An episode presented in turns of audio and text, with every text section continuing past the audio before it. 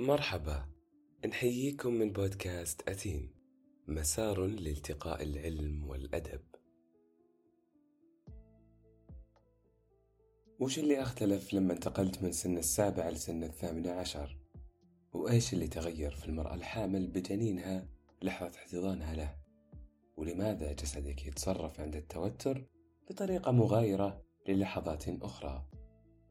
يا هلا وسهلا فيكم مرة أخرى بهالحلقة من أتين راح نناقش تأثير الهرمونات والنواقل العصبية على حياتنا. ومن الأمثلة على تلك النواقل العصبية الناقل العصبي المسمى بالإدرينالين. الإدرينالين مرتبط بالخوف بالحماسة والتوتر والغضب. هالناقل العصبي يفرز في كل تلك المواقف لدور وقائي من الدرجة الأولى فهو يوسع حلقة العين لترى الصورة أوسع ويضخ كمية أكبر من الدماء في الأعضاء الرئيسية ويساعد الرئتين لتأخذ كمية أكبر من الأكسجين. كل تلك الآليات التي عملها هذا الناقل العصبي جعلنا نتساءل كيف يا ترى بالإمكان أن نستفيد منه علاجيا؟ في حالات مثل الربو الحادة والحساسية الشديدة يستخدم الإدرينالين والمسمى أيضا بالإبنفرين عن طريق الحقن ويساعدها وقتها على تخفيف حدة التشنج في عضلات التنفس. طيب لما تكون في حالة غضب ممكن أنك تلاحظ بأن ضربات قلبك وضغط الدم في زيادة. هذا الأثر تم استخدامه بصورة علاجية. فالإدرينالين يرفع من ضغط الدم في حالات انخفاض ضغط الدم وفي حالات توقف القلب.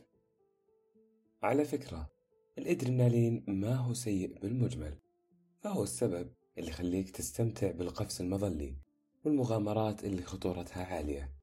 هالناقل العصبي هو اللي يجعلنا نعاود ممارسة النشاطات اللي يثيرها ويعرف ممارسي هذه النشاطات ب أدرينالين جانكي مدمنين الإدرينالين اللي يستمتعون بارتفاع الإدرينالين ويتعمدون اختيار النشاطات اللي تثيره. ننتقل الآن لهرمون مغاير تماما. هرمون الحب والعاطفة الأوكسيتوسن هالهرمون يبرز بصورة كبيرة في لحظات الولادة فهو اللي يحفز عضلات الرحم لتسهيل عملية الولادة. من المصادفة أيضا بأنه يزيد أثناء المرور بلحظات عاطفية مما أكسبه هذا القلب اسم هرمون الحب والعاطفة.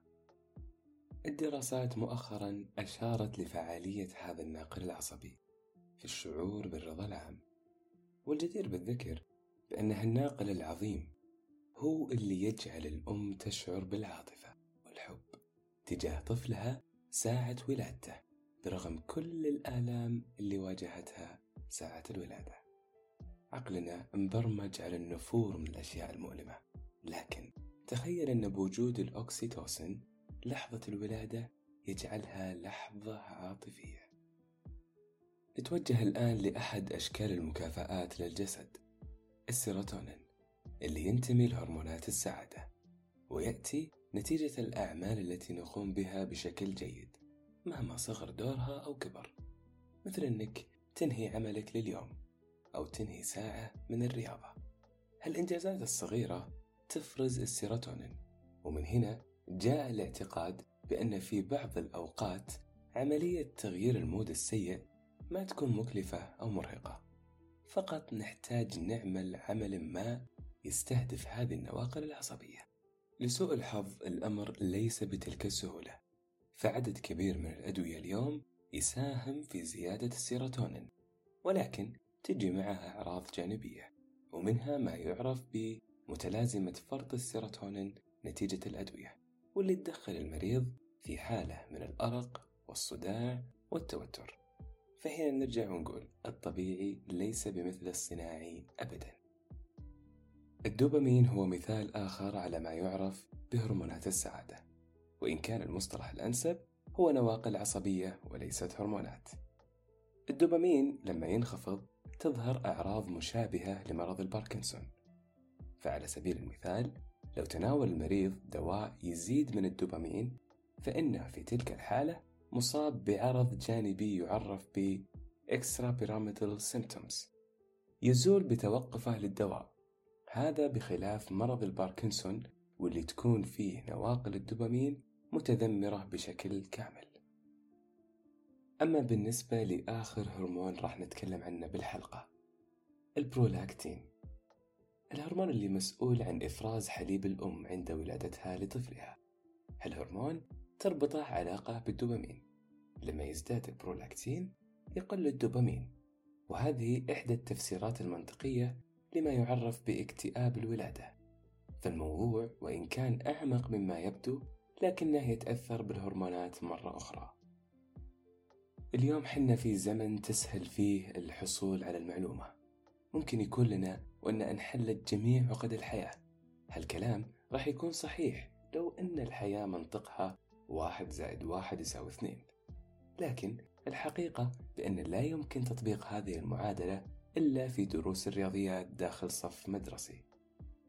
الأدوية والهرمونات والأمراض وتشريح الجسم كلها تخرج أحيانا عن المعادلات وعن المسطرة اللي نسميها بالمنطقية في علم الأدوية. في علم الأدوية واحد زائد واحد يساوي ثلاثة في حالات محددة. لما يتفاعل الدواء الأول مع الدواء الثاني وينتج منهم مفعول أكبر من مفعول جمعهما على حدة. وبصورة أكثر توضيح لو دواء يعالج مرض السكر وينزل من مستوى السكر باثنين بالمية من التراكمي والدواء الآخر ينزل اثنين بالمية من التراكمي المنطق يقول بأن لو استخدمنا الأول مع الثاني التراكمي راح يقل بنسبة أربعة بالمية.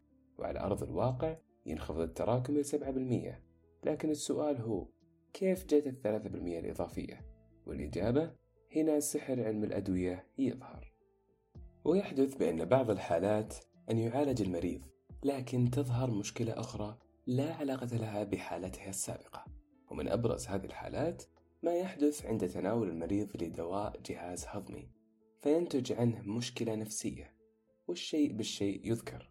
فإن أحد الأدوية المستخدمة في الطب النفسي باتت تستخدم لعلاج إحدى أمراض المعدة.